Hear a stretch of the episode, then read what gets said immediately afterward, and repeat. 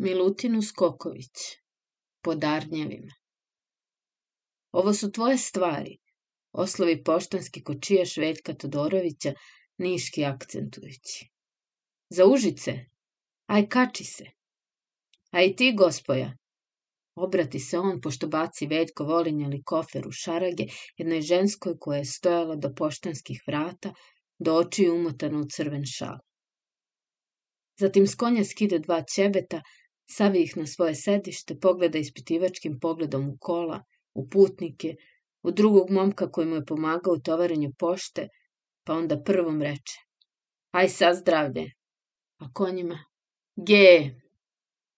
Kola se zaklimaše uz džombastu kragujevačku kaldom.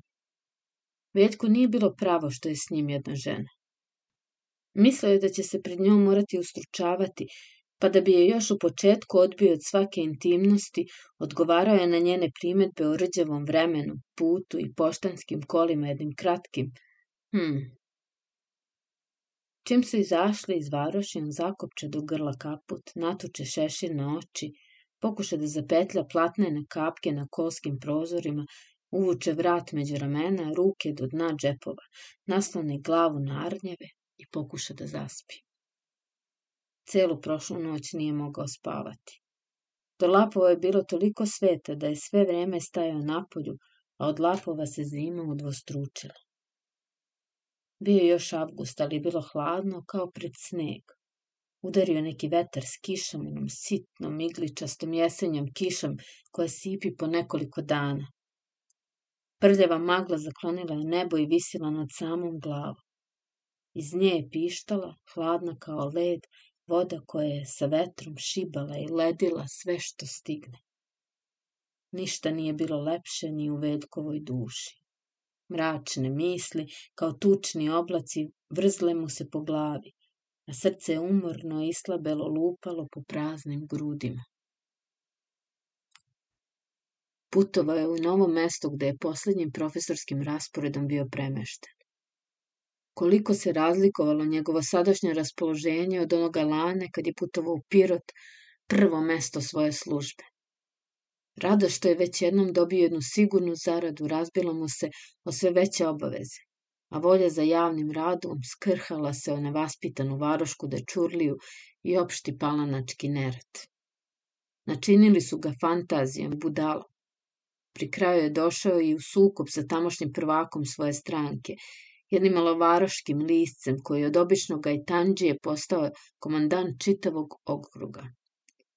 Ceo Pirot je znao sva čuda koje on činio, ali kad dođe vreme izborima, svi su glasali za njega.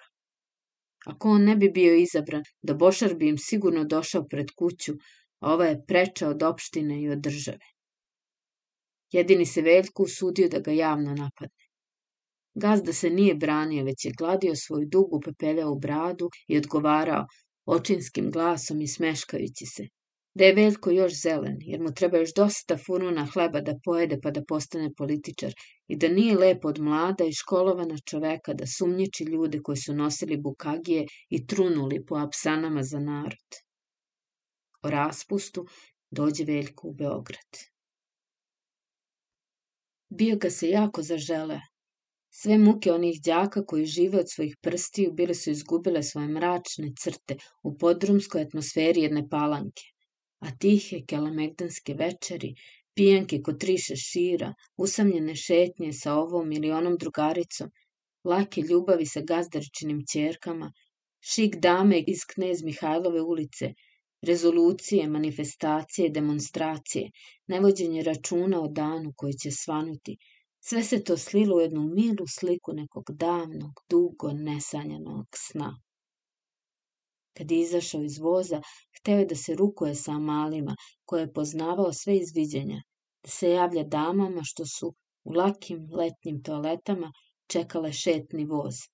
Hteo je da se puže u stubove električnih lampiona, skače po nejednakim krovovima i da vikne koliko ga grlo nosi celom Beogradu. Ja sam se vratio, Psovke Amala koji su se otimale o njegov kofer, trgle su ga iz naivnog raspoloženja. Ulice se nisu bile mnogo promenile. Nove kuće se gubile u gomili nejednakih pocrnelih straćara Metalne ograde po skverovima izlomljene kao i pre, trava izgažena, drveće belo od prašine. Ljudi su išli ne gledajući na njega.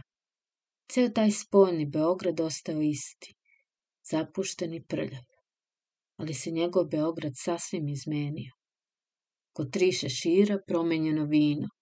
Kod strika nema više Magovčevića da šalama začinjava postan jeftin đuveč. Na malom Kalemegdanu izišle iz mode ljuljaške. Lize i Aranke vrcaju kud i ostale gospe. Sve veće dame otišle u banje. Po velikom Kalemegdanu viđaju se samo seoske učiteljice u čudnim kostimima i još čudnijim bojama. Velika škola nije mu više bila tako intimna da u nju svrati u bilo koje doba dana. Objave, izlepljene na tablama, više ga nisu zanimale. Zidovi su gledali na njega kao na tuđinca. Staro društvo otišlo. Ko je ostao, promenio se. Građanske slobode i Makedoniju zamenile stipendije za inostranstvo i mesta u prestonici. Drugarice ga ne gledaju kao druga, već kao kandidata za ženitbu. Julsko sunce sažiži i poslednji cvet pod topčiderskim proplancima. I kao da je sudbina htela da razočarenje bude potpuno, u ministarstvu ga primiše vrlo rđavo. Zauzet opštom težnjom za boljim mestom, Veljko je bio otišao tamo da moli za premeštaj u Beograd. Dva dana primanja ministar ga nije hteo primiti. Šetao je po hodnicima ministarstva i mislio šta je tome uzrok. Ministar ga je, dok je bio u opoziciji, primao kod kuće na kafu, laskao njegovim sposobnostima i radu u klubu i hvalio interesovanje omladine za stranku i program. Sad je program bio ostvaren Stranka je došla na vladu. Ministar je mogao da ga ne primi, jer sad ima drugih koji rade. Trećeg dana, kad se čekaonica potpuno ispraznila i Veljko očekivao da će ga već jednom pustiti u ministar kabinet, javi mu poslužitelj blagonakolno da je na moje posredovanje ministar rekao da ga sačekaš u hodniku i da mu kažeš šta imaš. Veljko se ugrizao za usne pa je pristao. Ministar ga nije ni pogledao, već mu je silazeći ni stepenice dobacio preko ramena. Šta si ti to poradio tamo? Misliš da si još u školskoj klupi, pa da možeš trabunjati koja šta? Ti ćeš biti otpušten, čim spremim prvi ukaz. Todorović osta kao kamenje. Posle se seti pirotskog gazde. Doista, ova je, odmah posle svog sukoba sa Veljkom, nakitio pismo ministru. Koga si nam ovamo poslao? Opozicija čini sve da nesvesni narod priuče na svoju stranu, a ti šalješ koje kakvu derlad, da joj još idu na ruku. Taj mladi gospodin počeo da plete intrige u samoj stranci, u providnom smeru, da je pocepa u korist opozicije. Ali ja koji, i tako dalje, i tako dalje, tražim da se on najuri iz službe. Veljku se zgadi. Reši se da pljuna na mesto vaspitača srpske omladine kad zavisi od dobre volje jednog gajtanđije. Čak uze tabak i napisa. Gospodinu ministru prosvete i crkvenih poslova. Ali razmišljajući kako da sastavi akt o svojoj ostavci, pređe mislima na budućnost koja se kao strašilo pojavi pred njim. Šta posle da radi?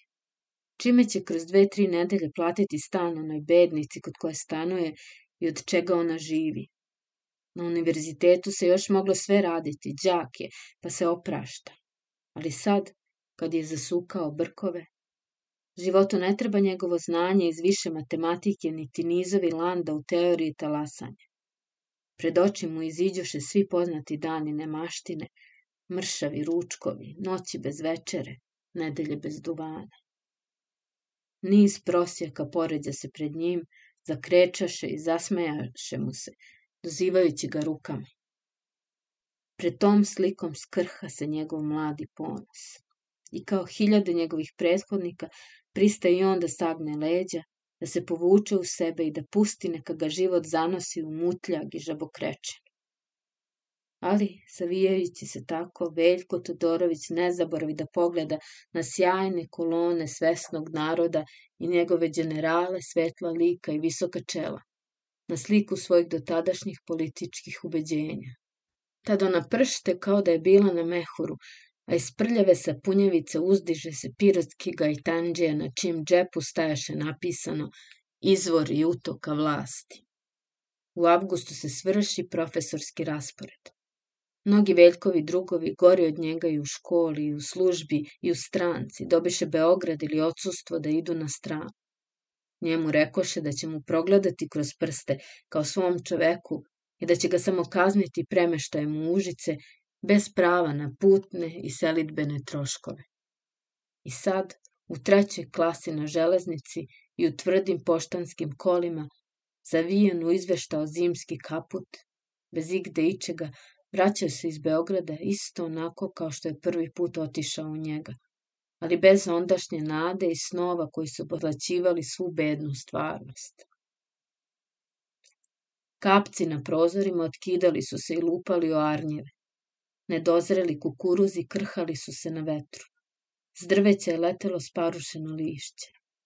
Voda se cedila s neba, iz ograde, iz zemlje.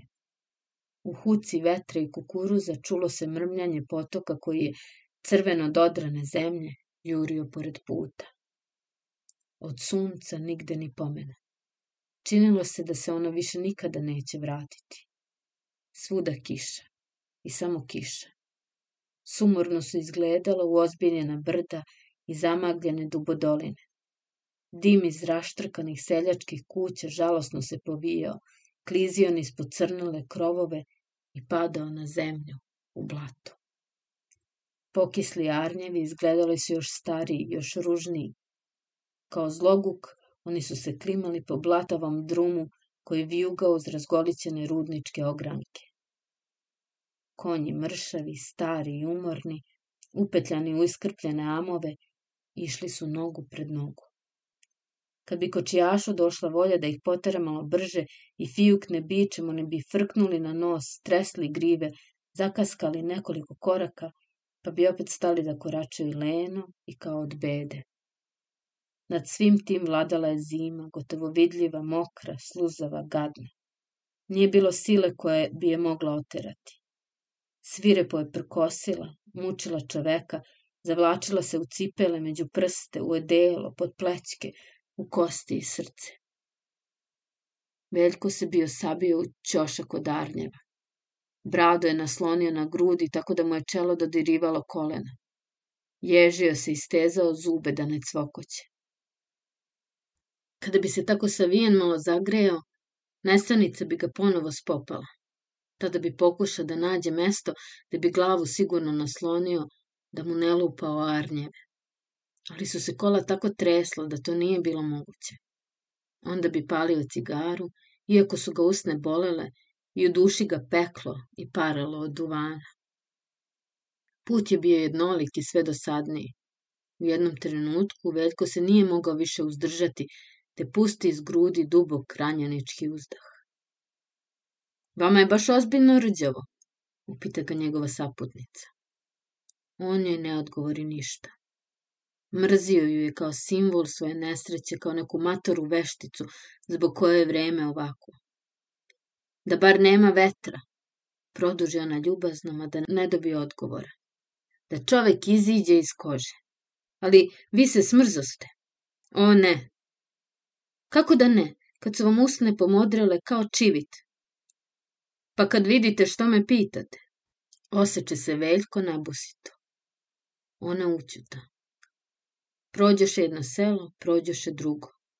Na jednom čuviku vetar dunu jače. Veljko nehotice zacvokota zubima.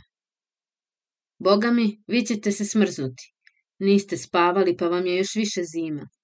Nego, hajde da nekako zapetljamo ove kapke. Metnite štab popreko.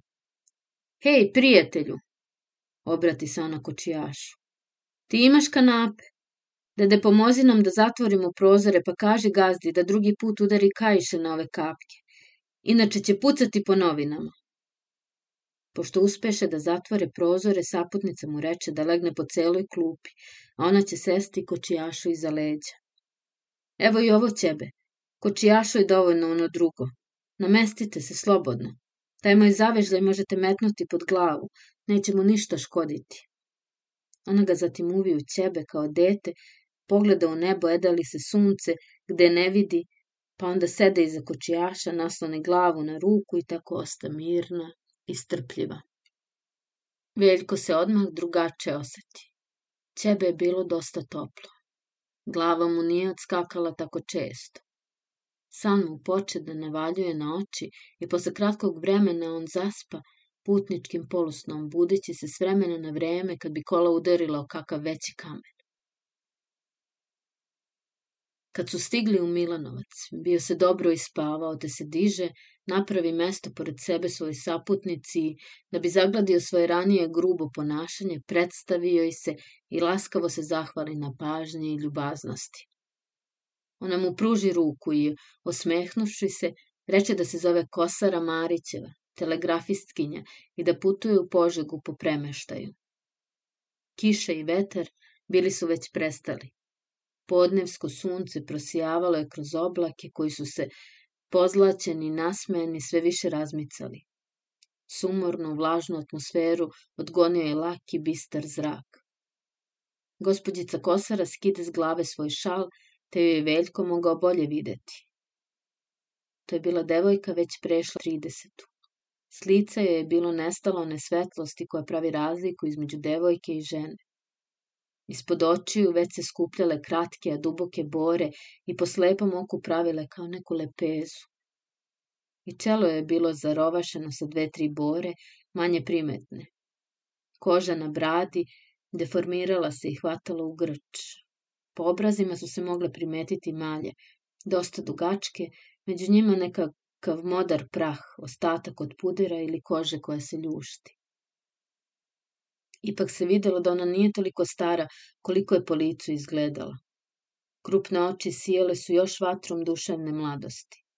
Osmeh oko usana bio je živ i nestašan.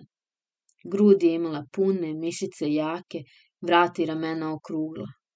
Kosa i cela toaleta davale su utisak jedne srazmere. Boje su odgovarale njenom licu, a frizura i kroj haljene njenoj pojavi. Ukratko, Gospodjica Marićeva nije mogla više na juriš osvajati, ali se još mogla dopadati. Razgovor je tekao sve brže, prelazeći sa običnih predmeta na sve intimnije. Put do Milanovca bivao je zanimljiviji. Zima se odsećala još samo malo u nogama. Veljko se razveselio. Pred to malo udobnosti zaboravljao je na gorko razočarenje i muke koje je doživeo za tako kratko vreme. Oduševljavao se zanimljivim prizorima koji su sretali u prirodi. Obraćao je pažnju svoje saputnici na seljake i seljanke koji su prolazili pored njih. S časa na čas citirao bi kakav stih koji bi mu pao na um ili bi pevušio. Moj se dragi na put sprema i peva. Ja mu jadna konja sedlam i plačem. Kad su došli pod jelicu, iziđoše iz kola da konjima olakšaju i počeše se peti uz brdo prekim putem. Usput Veljko najđe na nekakve kupine, nabra ih puno šaku i ponudi svoje saputnici. Ona primi samo polovinu, ostavljajući drugu za njega. Da bi mu se odužila, ona otkinu jedan pozni cvet i zakači mu sama na rupicu od kaputa. Veljku se to dopade. Seti se kako je tako lutao po Beogradskoj okolini sa svojim drugaricama i oduševljavao se divnim cvećem i sumnjivim vinom po seoskim mehanama. Svrha jelice otvara se veličanstven izgled na Čačansku kotlinu. Dolina se pružila kao divovski čilim, izatkan od njiva, livada, brežuljaka, gajeva i vinograda.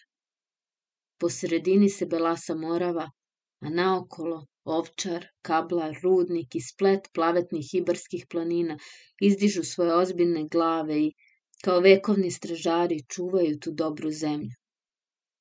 Sve se to prilivalo u hiljade boja prve jeseni, talasajući se od jednog sela do drugog.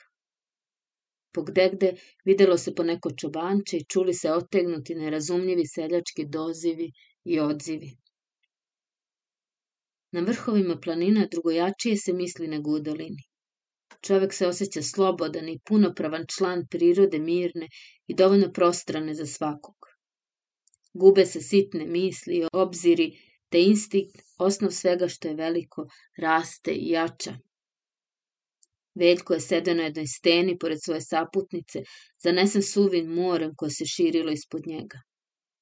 Činilo mu se da se nešto od njega otkida, da mu se cepa građansko odelo i pokazuju se slobodne grudi, kao seljaka što provodi ceo svoj život po toj divljini.